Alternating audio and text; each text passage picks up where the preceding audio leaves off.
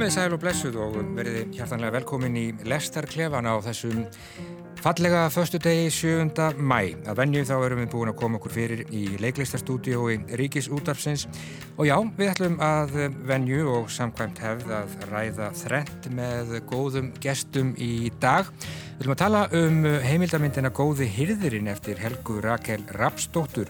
Mynd sem var tekin við djúb og frumsýnd í Bíóparadís á dögunum Við viljum að tala um aðra mynd og allt öðruvísi, nefnilega Föðurinn eftir franska kveikmyndarleikstjóran og reytuhundin Florian Seller en myndin byggir á leikriti hans frá árunnu 2012 og við ætlum líka að huga að aðtiklisverðri plötu sem að koma út bara núna á dögunum, hún heitir She Walks in Beauty en þar flytur Marianne Faithfull gamla pop-dívan ljóð eftir ennsk 19. aldar skáld romantísk en plötuna vann Faithfull í samfunni við ástralska tónlistamannin Warren Ellis, Brian Eno og raunar fleiri. Og hingað eru sannlega komnir góðir gestir, þetta eru þau Artbjörg Marja Danielsen, hún er leikstjóri og listrætt stjórnandi, Jón Óskar, myndlistamadur og Pálmi Gesson, leikari, verið hjartanlega velkomin í Lestar Klefan þennan förstu dag. Egu ekki bara að byrja við djúb á þessari heimildamind sem að heitir Góði Hirðurinn og tekin var eh, á Garðstöðum í Ögurvík við Ísafjörðardjúb þar sem Þorgbjörn Steingrímsson er með hátt í 600 bílhræ takk fyrir.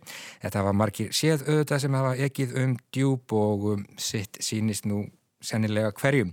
Það leikur nú eiginlega bengt við að byrja á þér Pálmi, þú kannast við þig vestfyrðingurinn í þessari kjós, hvernig fannst þér að dvelja við djúb í, já, tölverðu sólskinn í svona, já, rétt rúmar 40 mínútur? Jú, Eiríkur, þetta er nú svona við, ég og þú konumst við okkur í þessari kjós kannski, þetta er nú nálátt okkur báðum og ég man nú eftir því að þú mannst það kannski líka þegar bílar urðu aldrei slagir og nánast ónýttir þannig heima hjá okkur að þá var, var alltaf að tala um að þeir væri komin á augurstund og hérna, jú, ég, ég sá þessa mynd og hafi, hafi mjög gaman að. Þetta er þetta er, þetta er skaplega þetta er lagt fyrst og fremst upp með, með að vera myndrænt og lýsa svona einhverju sem pyrir augun ber. Og, og hérna Ég hefði persónulega auðvitað en það var ekki það sem að, það er kannski óþarf að tala um það því að það var ekki það sem hún hafði hugsað en, en ég hefði gerna viljað vita meira um og fá meira af fólkinu. Já, það er ekki mikið talað í þessari mynd, meira um fugglasöng. Já, það er, og sko, og það sem vakti aðeiklið mína líka og sem mér fannst gott, að það var engin tónlist. Bara í lokin. Bara í lokin mm -hmm. og það var Hotel Jörð Já. og það segir okkur kannski eitthvað og hérna En það, það var gaman að sjá Bjösa þarna í ríki sínu sko og mér fannst þetta sérstaklega góð senan þar sem að, eða myndin þar sem hann liggur í sófanum og hlustar á veðufréttinar. Já, með fætunar svona fram á. Já, já, sko, hann liggur ekki inn í forminu. Nei, hann er ekkert inn í forminu á Bjössi, sko. og það listi því mjög vel þannig. En, en hérna, eh, og svo, og svo að sjá sólegarnar koma hérna upp úr felgónum og, mm -hmm. og svona mér fannst þetta, mér fannst mjög gaman að sjá þetta Já, einmitt. Arbjörg, hvað segir þú? Hvernig hérna, já. sko þetta er mjög hægmynd og uh, já, maður kannski kynnist ekki fólkinu beint en um, eins og Pálmi segir þá er það kannski ekki uh, ætlun höfundar að að fara ofan í það einhvern veginn en maður skinnjar kannski þeiminn meira. Já, mér fannst þetta að vera, sko þessi mynd, hún greip mig strax á bara fyrstu mínútonum, mér fannst tempóð í henni, framvindan, þessi myndræna framvinda virka ótrúlega vel. Þetta er náttúrulega svona hálfur stúdja eða ljóðurann stúdja í forgengileika mm -hmm. og þess vegna fannst mér passa svo vel einmitt að í rauninni það væri engin narratífa sem var að útskýra tengsl þessara einstaklingar sem koma fyrir í myndinni, ég þekki þetta fólk ekki neitt, ég veit ekkert hverju þetta eru ég var, var vissið fyrst af þessum stað bara um daginn, ég var að fljúa frá Ísafjörði og sé þetta vera nýra á jörðu og ég hugsa hvaða bæjarfélagi þetta er, þetta eitthvað þorp sem ég bara er ekki með á kortinu. Menn spur ég mannstöndum hvort að hefur verið þarna ættamót Já. þegar þeir koma eins og Einmitt, þannig að maður, ég bara, þetta var algjörlega nýtt fyrir mig svona skemmtileg tilvílun að vera síðan búið að sjá þessa mynd, af því ég var nýbúin að uppkvöta þetta fyrirbæri. Og þetta, skapar svo mikil hugrenningatengs líka, þessi sko, þessi sko, þessi, þessar, þessi bara leifar bíla yðnarins og hvað það segir um okkar samfélag. Og ég fekk strax mikla svona associasjónir bara í sko miklu starra samhengi. Bara Uh, uh, bara bílamenning okkar yðnaðurinn uh, þessi sko, sko forgengilegi mm -hmm. Efnis. Já, og svo þessar manneskjur sem eru þetta bara maður veit ekki endast þær jafn lengi og góður kræslar þú veist mm -hmm. hversu löngar mannsæfi versus tími sem tekur að eigða einu bílflaki að það eðist í náttúrunni veist, þetta er svona hugmyndir sko. Og einmitt líka, e- ekki hugmyndu hvernig þetta fólk tengist. Ég fór bara að búa mér alls konar hugmyndir. Ég vissi ekki hvort konan, eldri kona var móðir, sýstir eða einkona eða hver var hvað ég ekki hugmyndum það. Og mér varst það svo skemmtilt ég var fann að bara búa mér til alls konar tengst svo kemur þessi e, önnur kona dukkar upp og býr í öðru húsi sem er flug, þetta er bara stórkostleg sko, þetta er stórkostleg svona ljóðræn Uh, bara það, það er að gefa hluti í skín og maður fara að skálda restin. Já. Já, það var einmitt það sem ég tók út með þessu sem ég glemdi fyrir ekki, Jón Óskar, þú ætlar ekki að fá komum staðirna en það er, sko, þetta er um endur nýtingu ef maður vil horfa á þetta þannig ég minna, það er bílarnir alltaf og svo sækir hann bara gamlan kofanir í fjöru og, og, og setur á, á hlaðið og, og flytur þar inn með með konunni sinni. Já, allt gjör nýtt. Þetta er allt gjör nýtt. Nákvæmlega. Eh, Jón Óskar, það er mikið svona, já, bara svona kyrrarmyndir í, í, í þessari mynd, bara svona stillur og þetta er svona einhver leiti bara, bara myndlist. Við erum með þessa, þessa mögnuðu liti þarna í bílakirkjugarðinum, það er, það er riðið og, og, og allt það. Hvernig, hvernig virka þetta það? Sko, í byrjum fannst mér myndin tilætlunarsam mm -hmm. að, að, sko, að fræða mig ekki, segja mér einhverjar sögur og eins og maður er vanur frá hérna Attenborough og svo framvegis. En uh, svo fyrir þessi farið þessi rólegheit og þessa, þessi þögn fyrir að virka. Þannig að hún er hérna ég hefði viljað fá aðeins meiri meiri sko texta. Meiri sögu. Já, já. bara þú veist Já, ég sé ávarpaður sko. Mm -hmm. nú er það að gera þetta, horfa þetta. Já, Já. þetta en ég er eins og svo hrifin af svona bílakirkjugorðum og ruslahaugum. Og og leita í það vegna þess að og ég er alveg upp í húsum þar sem að gardarnir hafa alltaf verið svo spikk og spana, maður má alltaf að fara í fókbólta þannig að það er ekki að blóm eða eitthvað og svo mann ég eftir gardi í klefsvaldinu rétt hjá okkur sem var bara órægt en það hefði verið göngustígar og eitthvað. En svo var bara búið að vaksi verið allt saman. Trí og græðs og njólar. Mm. og við krakkarnir vorum alltaf þarna. Já. við fórum alltaf þarna í indianalegi og okkur mannst það best. Ná, Óriðan hellar óreiðan hún heillar. Ja, sko, þetta er fallur, fallur e, bílakirkjugarður og fallur ruslahaugur en svo geta menn deilt um hvort hann er á réttum stað og, og hlaðast en ég legg til að það veri gerð sjónvarserja um fólki á, á garstöðum því að þetta er mjög áhugavert og forvillilegt fólk. Já, emi Þekkir, þetta er náttúrulega umdelt og hefur verið lengi. Þekkir þá sögu, Pálmi? Ég þekk ekki söguna en þetta er, jú, þetta er vissulega mjög umdelt sko og, og, og stundum likur við stríðum eða hvort það er stríð þarna í millin ákvarðana mm -hmm. uh, ég þóru nú ekki að fara með það en, en, en þetta er ákálega umdelt og er, kannski skiljanlega Er þetta ekki allstar út á landi sko? Ef að bílið er ekki nógu vel hýrt eða eitthvað? Eða drasli Jú, jú, jú, jú og það er alltaf, eða var alltaf algengt líka sko en þetta eru einhverju þúsund bílar þarna, skilur, snirtilega raðað og allt það, það er, ekki, það er ekki en hvort að á, á endilega heima í, á, á okkar mesta sögustad, augri höfubólunu, augri mm. eða garstöðum í þessu tilfelli það, menn verða bara gera það upp í sjálf og sig Já, nákvæmlega. Það gerist ekki mikið í þessari mynd. Jú, það kemur um, túristi og kaupir um, númeraplötu og eitthvað er uh, krakkar að uh, sníklast þarna um, um garðin og skoða rútuna og, og eitthvað þannig. Það er þetta mannlýf sem við fáum að, fáum að sjá en sko, þetta rjáttli í honum uh, Þorbirni að vera alltaf að skrúfa eitthvað í sundur maður fer að hugsa þetta praktíst, sko, hverju, hverju skilar þetta eða hvað er maðurinn að gera? Já, ég var einmitt að velta fyrir mér hvort, sko, hvort þetta væri í rauninni, það væri verið að gera einhvað þarna sem hefði sko raunverulegan tilgang, mm -hmm. hvort að þessi eins og þessi business stæði undir sér eða hvort eins og þau eru að setja stóra mótor í gang.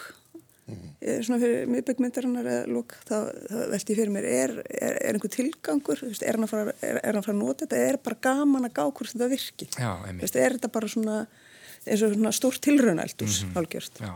og svo líka voru svona að þú nefndir hann að krakkana og þess að þýsku túrista mér finnst það mjög skemmtilegt. Mjög, mjög skemmt, þeir gestir mjög skemmtilegir. Og þau eru inn í sér gömlu rútu og krakkarnir sjá sko myndir af Dúran Dúran mm -hmm. og stelpann spyr er þetta, er þetta, kall, er þetta drákar? Og hérna það femmar svona allt í hennu blikin í annan tíma mm. og hvað sko, veist, sér fyrir sér þessa rútu bara hérna 1986 og hérna veist, að fólk líka bara skilja af sér sko bílum og þessum hlutum með samt einhverju svona persónulegum uh, leifum Já, nákvæmlega. Það, er, það var svolítið aðdeklisvert að það verðist vera mikil vöndun á bensíntöngum allavega, það var það, var það sem að menn, menn hérna sóttu þarna, en hann er greinlega snillingur sko, hann getur látið allt ganga og ég held að til dæmis þeirra þessi hérna frábæra sena þegar þau eh, hjón e, sátu í voru að prófa heitapottin í, á, á nýja pallinu sko, það er mjög falleg sena sko. Já að þá eflaust hýta hann það upp með hérna, mekanismanum úr stýrishúsinu sko. mm. og svo nýlega þá er hann nú búin að sigla þarna ja, næstum tógara eða, eða fiskibátt sem fór þarna flættir í höfnina e, í fjöruna hjá sér sko. þannig að það er alltaf gerast það er alltaf gerast, gerast. en svona það er alltaf sko, þetta eru varaluti og þeir eru oft ansið dýrir og svo þegar að fólk er að gera upp gamla bíla og það geta leita og maður sér það í þessum amrísku þáttum og Netflix um bílakallana sem er að gera upp mm -hmm. það verður stór stór business og þeir uh, annars verður þeir sem er alltaf að gera við bílana og safna þeim og svo eru aðri sem eiga bara heilu hlöðu þannig að fullar á dóti og, mm. og gera ekkert annað en bara tína úr hillum gamlan karpartór eða hvað það heitir. Og ég held að sé, sé alveg rétt sem eftir honum er haft sko að, að bílarnir hverfi ekkert, þetta er, þetta er, þetta er mjög uh, fallegt og, og gott að nýta þetta og þetta er heilmikið að þessu er nýtt mm. og það er það sem við þurfum að gera. Já. Þannig að þetta er það tókast þarna á mörg element sko. Já, og um þetta þú varst að minnast á að þetta væri umdilt að hafa þetta á þessum stað að það er, þú veist sérlega mikið heiðalegi fólkin í því að, að sko við erum bílaþjóð og við erum með þessi flög og þetta er hluti af okkar menningarsögu. ég get ekki ímynda með neitt fyrir bara sem er meira samtvinnað okkar menningarsögu heldur en fólksbílin að, já. Ég heyrði sögað því, ég veit ekki hvort hún sönnun hún er uh, skemmtileg allavega að fallega húsið í augri sem að held ég að landsbankin gerði svo uh, hérna skemmtilega upp fallega upp, svona mikið höfingjasettur það stendur þarna. Og ég heyri þá sögu að það hefði verið auglist til sölu og byrtar myndir og svona og það hefði verið einhverjar, einhverjar ríkar konur held ég bara ellendis frá. Mm -hmm. ég alveg þetta nú ekki týr en ég geti það sko. Sem leistu þetta vel á þetta hús og þetta hérna á þessum fallega stað og, og svo það eru búin að kaupa þá komu þær og, og dróðu frá glukkatjöldin og þá sáu þau þúsund bíla Já, nákvæmlega. En það er þetta, já, svona heillandi kás sem er þarna og, sem er það, og hérna, og líka sem að myndin miðlar er það ekki þessari bara, hvað maður segja, bara kyrð sem er þarna, ekki síst yfir konunni þar sem hún er að, mm. eh, eitthvað að fást við blómabeðið, ryggsuga, tala um herta, þorskhausa, Eitthvað fallegt er það. Já, Já, er, hún er er indisleg sko. Sko þetta er svolítið eins og hugleðsla sko, Já. sittur undir þessu og svífur á milli einhvern veginn og, og horfir á smáatriði. Og ekki mikla sögu. Nei, þetta er bara upplifunum að vera hérna. Þetta er svona, þetta er svona, fínt þannig þetta er svona ljóðurræn, ég, ég var einmitt bara að hugsa hvort þetta væri heimildarmynd, sko, já, yfir höfuð. Já, bara hvað, ég myndi örgulega flokkast sem svona ljóðuræn heimildamynd eða svona því hvað myndi segja íslensku observational er til íslenskt orðið það kannski.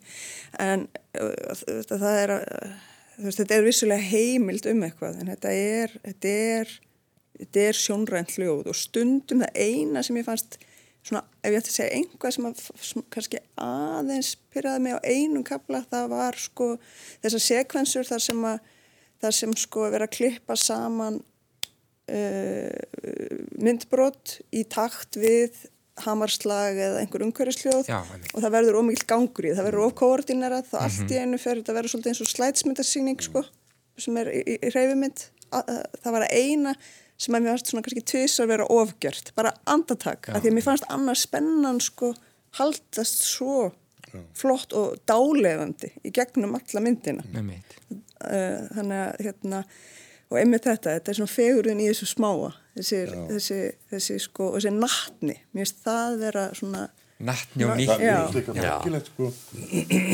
hún talar um það þegar hún byrjar að myndinni uh, sko hún er búin að fara ánga í þrjúskipti áður en að já, hún tala við fólkið. Já, og hún er bara eitthvað svona eitthvað róli í kringum þau. Og svo og hvað sagði hún í vittalunni að hún hvort það var í fjórða eða fymtaskipti sem var bóðin í hús upp á kaffibólla Já. Og í pottin.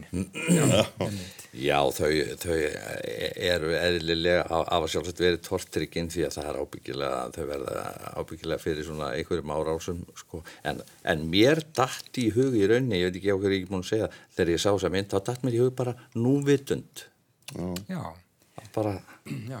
bara Það er nákvæmlega kannski bara rétt að orðið. Já. Og að einhverju leiti þá er þessi mynd um, já, svo ég gerist nú bara hátilegur, um, tilgang skástrygg, tilgangsleysi lífsins. Er það ekki? já, einhverju leiti Já. Herðu, Ljóðræn stúdía í forgengi leika, sagðir þú Artbjörg Danielsen, við skulum segja skilið við uh, djúpið að sinni og uh, við skulum bara hreinlega setja splunkunýja plötu á fónin. Season of mists and mellow fruitfulness, close bosom friend of the maturing sun, conspiring with him how to load and bless with fruit the vines that round the thatch eaves run. To bend with apples the mossed cottage trees, and fill all fruit with ripeness to the core to swell the gourd and plump the hazel shells with a sweet kernel, to set a budding more and still more later flowers for the bees, until they think warm days will never cease, for summer has o'erbrimmed their clammy cells. Who hath not seen thee oft amid thy store? Sometimes whoever seeks abroad may find thee sitting careless on a granary floor, thy hair soft lifted by the winnowing wind, or on a half-reaped furrow. Já, við uh, heyrðum hér örlítið brot af uh, splunkunirri plötu. Marianne Faithfull, enska tónlistar og leikkonan að flytja á samt félögum O2 Autumn eða Haustið eins og það heitir ljóðið í íslenskri þýðingu Helga Háldánarssonar þú aldinn blómans úða milda tíð og svo framvegis. Nú dögunum þá kom út plata sem heitir She Walks in Beauty en um, þar flyttur Marianne Faithfull, þessi gamla dífa, 11 ljóð eftir romantísk skáld 19. aldar en plötuna vann hún með ástralska tónlistamarinn Warren Ellis sem að er jú þekktastur fyrir samstarfsitt við Nick Cave sem kemur reyndar við sögu á þessari plötu og það gerir maður að nafni Brian Eno líka. Já, þarna eru ljóð eftir Byron Lávarð, John Keats, Shelley, Wordsworth, Tennyson og fleiri algjört stjörnu regn og þetta mun hafa verið gamall draumur feithfúl að gera uh, nákvæmlega svona plötu. En það er hún ánægð með hana það hefur komið fram í viðtölum, þetta eru ljóð sem hafa, hafa fyllt henni alveg frá bensku. Arbjörg, hvernig líst þér á Marianne Faithfull árgerð 2021? Heyrðu, hún endist nú bara nokkuð vel, verður ég að segja. Uh, ég þurfti að hlusta á þess að plötu alveg þrísar í gegn uh, og uh, þetta, sko, þessi uppsetning ljóða, upplestur ofan á hljóðheimi. Þetta er svolítið flóki fyrirbæri og e, það getur verið svolítið trublandi að hlusta á þetta í hátalurum eða í hirtnátólum en að það verður svo rosalega mikið tókstræta millir hljóðs og, og, og texta. Ég geti ímyndað mér að þessi plata eða þetta format sé bara alveg stórkoslegt ef maður fær að vera inn í sko rými með Marianne Faithfull. Mm -hmm. þar sem hún er að lesa þessi hljóð og þessi hljóðheimur er í rauninni bara í einhverju svona multi-channel hljóðkerfi Já, og, fær að vera sko meira svona eins og soundscape þannig Já. að því að sko það verður stundum áhugavert uh, þessi, þessi, þessi hljóðheimur en stundum var þetta eins og hún væri að först í liftu að lesa ljóð, Já. þetta væri svona liftutónlist í bakgrunni eða svona svona nýjaldar íhuguna tónlist Þetta er hljóðheimurinn bara stundum tröfla Já, já. Einhæfur svolítið. Já, og þú veist, ég segi þetta tröflar meira held ég á plötu. Þegar maður að hlusta í bara þannig hljóðheimi sko með, með heyrnatóli eða í, í hátólurum heima heldur nefn að væri í að upplifa þetta sem sko já. svona tónleika upplifun eða leikúsupplifun uh, að því sögðu, það finnst mér rosalega sko ég þurfti að taka nokkra snúninga á þessu sko varðandi bara svona efnistökin og varðandi hana að lesa að því að það er eitthvað við sko það að lesa ljóð versus það að þegar hún er að syngja með sinni brotnu rödd mm -hmm. að hún er meira berskjöldu þegar hún er að syngja heldur hún þegar hún er að lesa finnst mér. Já. þá kemur meira þessi meirleiki í röddinni sem að mér fundist svo heillandi hjá henni allavega. Og hún hefur augljóslega meiri stjórn þarna.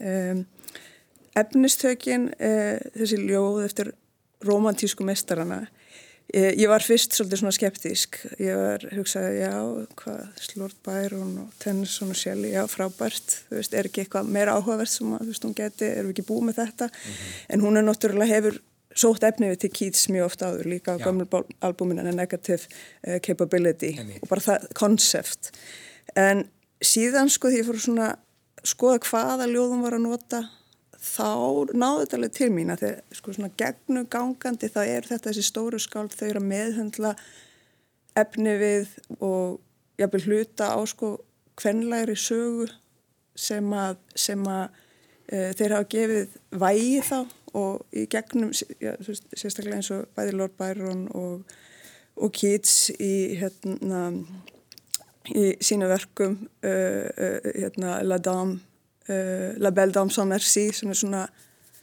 gefur svona sterkasín inn í sko og, og setur eitthvað tóm fyrir veist þess að svona tálkvendið femfatal þema sem sem pre-refalítar er að vinna með og svona.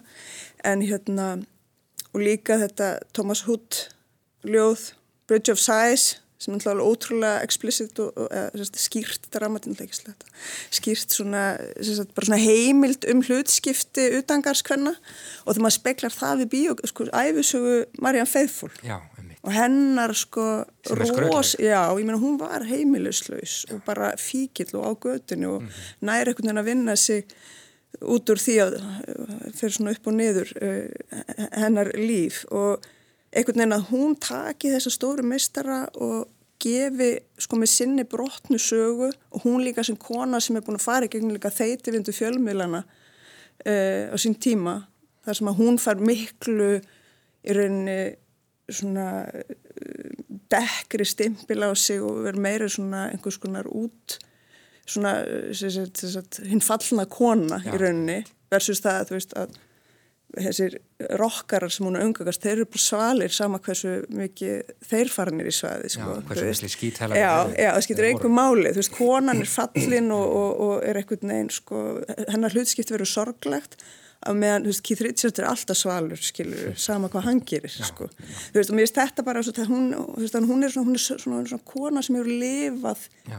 lifað einhvað lifað einhvað og, og, og, og, og hennar, og það að hún gerir þessi ljóð eitthvað sín, hún svona, svona gerir þessa arfleið að sínu, þessa romantísku arfleið Já, þessi plata hefur fengið mjög fína dóm og þetta er einmitt það sem að gaggrinendur eru að tala um að það sé einhvern veginn svo mikil reynsla í hverju orði hjá, hjá Marianne Faithfull og þetta er sannlega rödd sem að segir bara per sér langa sögu. Hvað segir þú Pálmi? Hvernig, hvað fannst þér um Jú, flutningin? Ég er algjörlega samanlega því.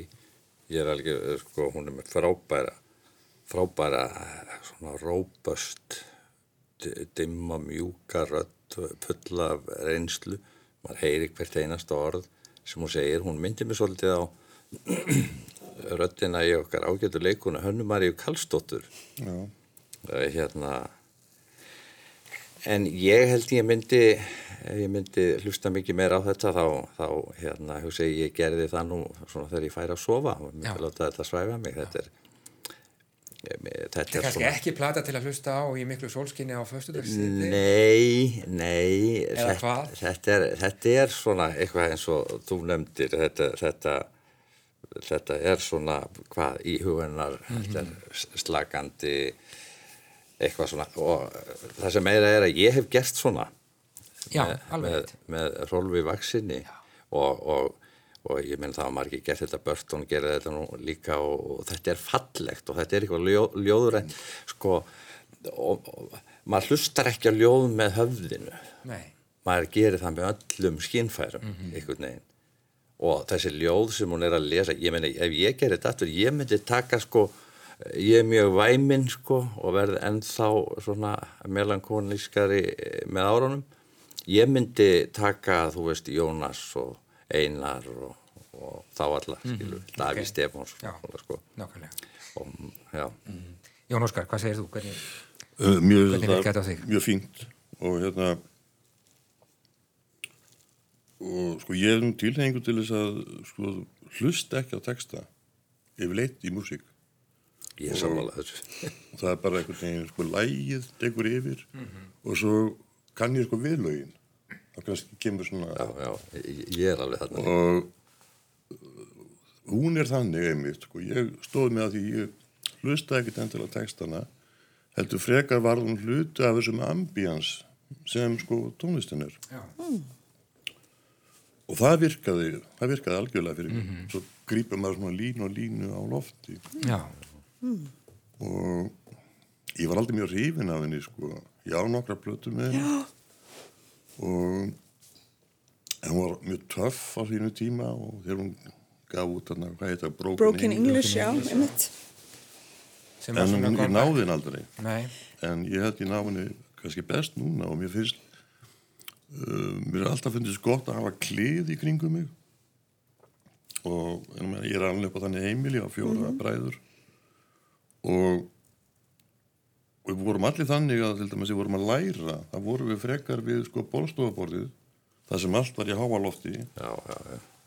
og frekar heldur en að fara í herbergin og vera í friði þannig að við erum aldrei upp í svona einhverjum hljóðheimi sem þú ert ekkert að hlusta á heldur hann er bara já, já, akkurat, akkurat. og nema þetta er náttúrulega miklu rólegra og já. dægilegra En hvernig finnst þessi hljóðheimur virka hjá Warren Ellis? Þetta er heimur sem maður þekkir nú aðeins eh, frá síðustu plötum Nick Cave, eh, Carnas sem kom út á, síð, á þessu ári og, og Ghost Teen, þetta er svona svip, mörguleiti svipaður hljóðheimur, ég hef nokkið alltaf verið hrifin af, af Warren Ellis og, og það sem hann hefur gert fyrir, fyrir minn mann en, en um, sumt er þarna býstna fallega gert en það er rétt sem að Artbjörg segir að þetta uh, verður kannski stundum aðeins of mikið, ég veit það ekki. og monotón. Aha, ég hefði ég hefði viljað fá meira þannig sko. Mhm.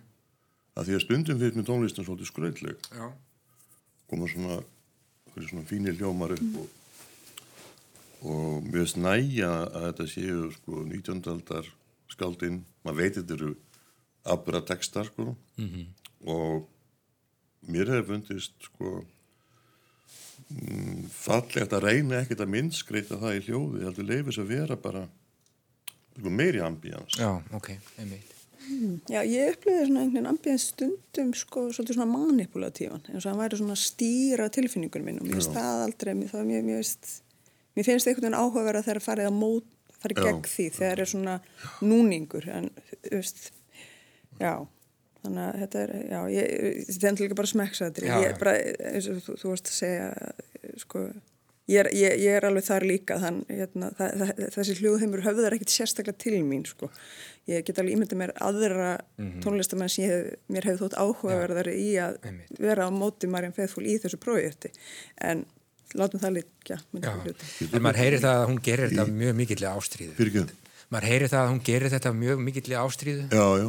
Ég hefði gaman að því sko, í einu teipinu sem ég sá um, það var æfing sko, það var Nick Cave og hún um, mann ekki hvort Ellis var í mynd þá en það var eitt sem var á stjórninni og er það gert í leikúsi að, er, þetta var eins og sko, hljómsveita stjóri sko. Já, já sjálfsætti í þessu sko, Já, þegar þetta er svona Já, hugsanlega. þetta er svona en, en mér fannst svo kann sko, er, ég, ég segi eins og þú ég, ég hlust ekkit endilega alltaf á innihald Nei. bara heldur e eitthvað sem að kemur um hann og það, það var mjög gaman að heyra hann að segja þessi orð og hvernig hún, hvernig hún gerir það. Þó að ég hafi gert þetta og svo ég með hrifin af þessu sko að þá er ég orðin æhrifnari bara af dræ röddum og ekki engin, engin, tónlist með og eh, og ekki, ekkert svolítið og mér finnst allt og Viltu ég ekki leita í kefni við einhverja panflötu? Nei, Gunnar Eyjálsson sagði þetta nú oft reyndar líka hérna, þegar var verið sko, það er hægt að fara líka overboard í þessu öllu sko, og maður heyrir ekkert Já, svolítið vandrata, sko. Þetta er svolítið vandræða með þetta meðalhóf sko, það tekst reyndar vel þarna því að maður heyrir eh, hana vel sko Já. Fyrsta sem, ég man ekki hvaða ljóða var en fyrst- fyrsta sem ég lendi á það var eitthvað svona random þá hugsaði eh, út af hljóðinu hvað er ég komin til Tjernobyl það hefur verið sellóði sennilega hérna, heildur guðna En ert þú til dæmis, Jón, uh, hrifin af þessu, svona þessu spoken word dæmi sem að ymsir tónlistamenn hafa nú sp- spreytt sig á. Ert þú hrifin af því? Já, já. Lou Reed hefur gert þetta Já. og Lori Andersson og fleiri. Og ég er náttúrulega íki því að ég segi, ég takk ekki eftir textum sko, það er svimir sem ég uh, svona, lust eftir. En heilt yfir þá nægir bara röddin. Já. skilir og ég veit ekki hvort það er spurning um einhverja nærveru Ég, ég segi eins og þú, ég hef alltaf átt í vandarað með, ég veit að sko, heimilisfólkið heima hjá mér, það hlustar fyrst og fremst á það sem er sagt í, í lögunum eða tekstónum sko. Ég hef aldrei kunnað einn einasla texta, það er eitthvað allt annað sem að ég er að grípa heldur en, heldur en innihald textana. og svo herri ekki textan en þú fá að borga fyrir það minna Já, ég, ég, ég, ég, er gaman að lesa ljóð og bara gera það í friði og hérna, en ég heyri ofta ekkit hvað hva sagt er sko. Já, maður getur náttúrulega alveg upplegað svona, svona plötu sem einhvern veginn bara eitthvað svona hljóðræna upplifun einmitt á röddinu sko. Já. Það er alveg, það er alveg. Mér, ég hins vegar er mjög mikil textamannskja, ég er alltaf að hlusta á Já. hvað er verið að segja og hvernig. Já. Og hérna, og mér finnst bara líka sko, eins og á þessari plötu sem ég var að segja á þannig að bara sko fléttan á ljóðunum og efnistökunum að þetta er þetta er, hún er vandað mjög til verka sko að þetta, þau segja vissa sög Já. það er þarna þessi sko þessi, það er einhver rauður þráður þarna í, í gegn uh, og mér finnst mjög flott að hún endar einmitt að þarna Lady of Shalott Já. þessi svona epíska þetta rittara minni og, og, hinn, og konan sem er þá eða föst í einhverju hlutskipti Nákvæmlega. og það er lengsta ljóðið alveg 12 mínútur eða eitthvað og mér finnst það líka að vera besta útsetningin Já, sko. einmitt. þannig að En eh, hún Marianne Faithfull, hún veiktist af eh, koronavirunni í fyrra og um, henni var nú bara vart hugað líf og lungun þau sköttuðust uh, með þeim hætti að, eh, að menn telja nú að hún muni mögulega aldrei syngja neitt framar en hún getur allavega farið með, farið með ljóð. Já. er það ekki? Það er ekki minna við því. Nákvæmlega. Herðu, við skulum fara annað, við skulum fara úr, úr fegurðinni, romantískri fegurði yfir í hvað? Tja, blákaldan, bara raunveruleikan held ég. Eh, kvikmyndin Father, The Father, eftir franska kvikmyndagerðamannin og rítöfundin Florian Seller með þeim Anthony Hopkins og um, Olivia Colman, hún hefur uh, algjörlega sleið í gegnmyndi, var frumsýnd á Söndans kvikmyndaháttíðinni í janúar í fyrra Hopkins, já, hann hlautu Óskarsvellaun fyrir leiksinn í myndinni og þeir Florian Seller og með höfundur hans, Kristoffer Hampton, þeir hlautu vellaun fyrir bestu aðlugun en myndin byggir á samnemdu leikriti eftir Seller frá árinu 2012. Þessi mynd hlaut alls sex tilnefningar til Óskarsvelluna og Olivia Colman, hún fekk tilnefningu sem besta leikonan í auka hlutverki. Ég segir af manni sem er að, já, hverfa inn í eigin þóku, missa tökin á tilverunni, elli glöpum og sambandi hans við dóttur hann sem reynir hvað hún getur til að koma honum til hjálpar. Eh, Jón Óskar, hvernig virkaði þessi mynd á þig? Hún er sínd í háskóla bjóði. Mér finnst hún alveg frábær Já. og ég þekkti sögun ekki, ég þekk ekki leikritið og og ég er enda að vilja að, að Olivia hefði líka fengið Óskar sko, því að mér því. alveg afburða afburða leikuna Mhm. og en það sem að mér mest sko magnaðast í þessu verki er að þegar þú tekur eitthvað svona viðfangsefni þá er ekki hort á sjúklingin eins og við van, oftast er gert er bara, nú er þessi maður að verða senill og svo smá sem að sér hvernig hann breytist en þú er dregin inn í eins og þar þú verður hluti af hans heimi. Já, hann skinnju. og, og svo rennur myndin upp sko í, í loka kaplanum síðasta kortir eða eitthvað. Þá allt í hennu kemur þessi sko það átt á mig sjá því maður er sko, hluti af hans heimi og maður sér heiminn með hans augum en ekki, við erum ekki að horfa á hann. Þetta er mjög svona sérstök aðferð sem er veitt einmitt við, við þetta, uh, við fylgjum uh, aðalsöguhetjunni inn í, inn í óráðið og, og þarna koma ólíkir leikarar í, í, í sömu hlutverkum og þetta ruggla mann kannski svolítið í rýminu svona til, að, til að byrja með en, en gengur upp eða hvað Björg? Já, þetta gengur ótrúlega vel upp og hérna, þetta, er, þetta er þessi sko, nokkla eins og Jón Óskar var að segja, maður er sko ekki að horfa á einhvað ut, utanfrá, heldur er maður, kemst maður inn í svona hugar ástand og maður er sjálfur að nota þessi sko brot. Já. og maður fyrir líka efast um sko en þess að þeir eru að leika sér líka mjög mikið í rauninni sko sviðsmyndinni, það er alls konar hlutum vikslað, herbyggi breytast, lampar reyfast, breytast. Já, já. þannig að það verður að blanda saman þannig að maður sjálfur fyrir að draga sín eigin Já, sitt eigin minni í já, bara var þessi gangur, var ekki svona voru ekki öðru sér lampar í síðustu sen nú býtu hvað er þetta ekki sama herbergi, býtu var ekki, Var ekki þarna? Já. já, þú veist, og, og þau gera þetta mjög vel í þessu og þarna alltaf sko kvikmyndin versus leikhúsið getur gert þetta á ótrúlega áhugaverðan hátt. Og uh, mér finnst líka hérna bara þessi sko að, þessi, þessi efni viður að, að þetta er nú bara besta mynd sín sé sko sem er að meðhandla veist þessa, þessu sko þessa, þessi þennan sjúkdóm sem Alzheimer er og, og, og minnið, ekki það er til aðra góða myndir um minni eða minnistap en þetta, þetta þarna og hvernig það meðhandla líka sko svona mannlega uh, reist. Mér finnst það ótrúlega sterk, stert element sko hvað það er sterk, uh, sterkur þráður í gegn hvernig, sko, hvernig einstaklingunum streytist að móti og reynir að halda reist sinni eins lengi og hægt er þrátt fyrir þrátt fyrir hérna að finna í rauninu fyrir svona hnignun líkamanns og andans. Og hérna uh, þetta er uh, þetta er eiginlega bara, líka bara svolítið tematísk kannski tengt öllu hinu, þetta þetta er allt þessi sko svona forgengileiki sem að er, er svona bindur þetta saman, þetta er mjög vel kúratera hjá þér Eiríkur.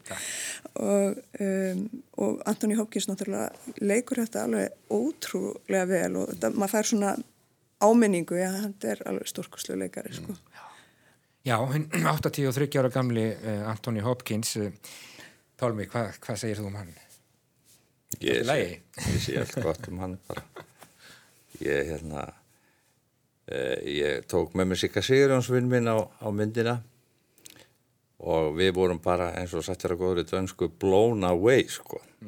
Við sátum bara hljóðir í sætunum eftir þetta.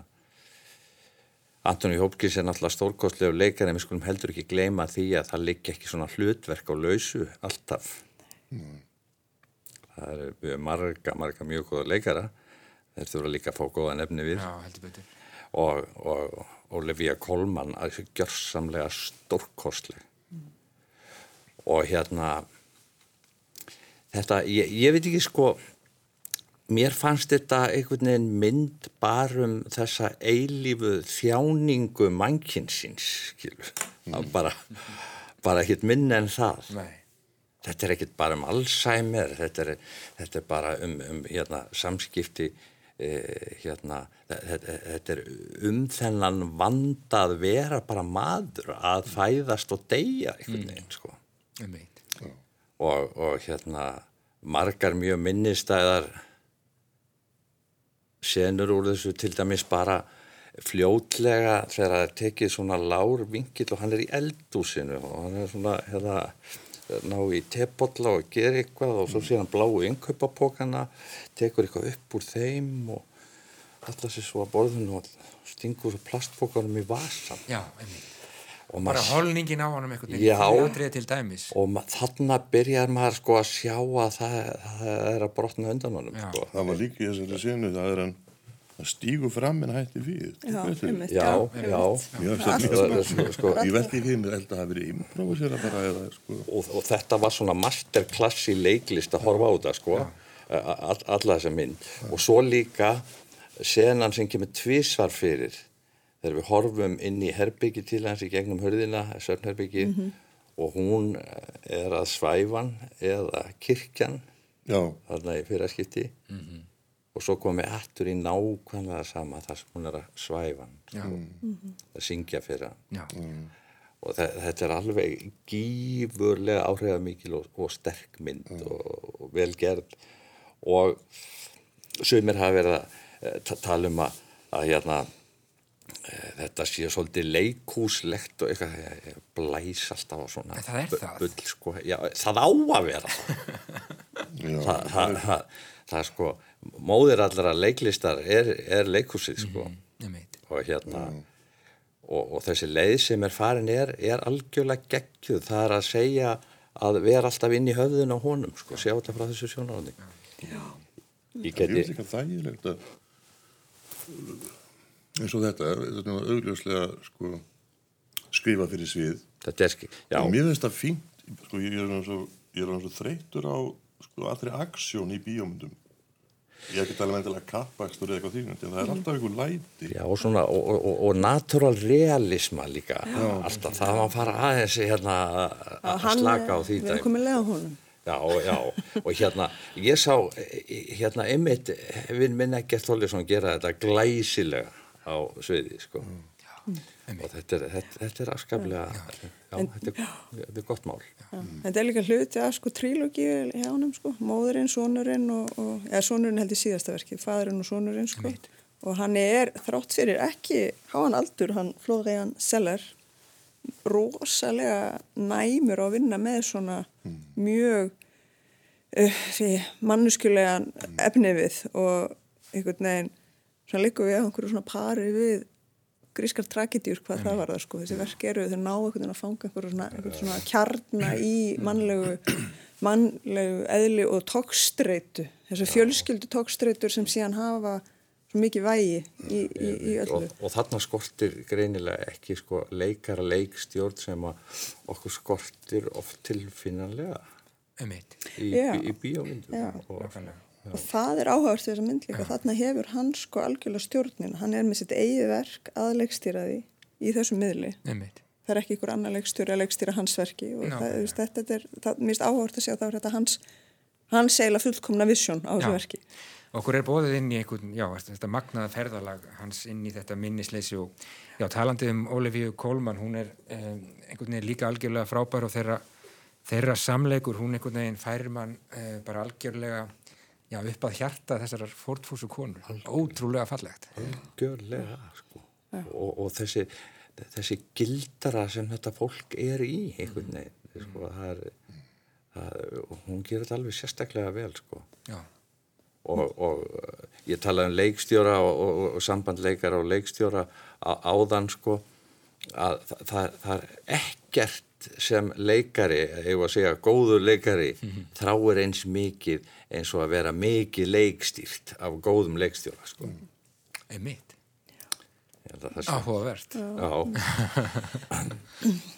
maður feillist líka sko, þessi mynd, bara svona sem maður fær kannski yfir líka einhver svona tilfinningalegt plan sko, burtsi frá estetíkinu og innhaldinu og það bara í, þetta er svona mynd sem maður sko ég fylltist svona hræðslu í rauninni ég fekk svona ég fekk svona tilfinningu þar sem að ég fór að setja þetta í eitthvað svona, eitthvað svona samhengi við minn, sko minn eigin forgengileika mm -hmm. og hvernig, hvernig, bara hvernig, hvernig er að fara í þessa vegferð, að byrja Já, þetta ferli að upplifa sjálf hans sig missa tökinn svona.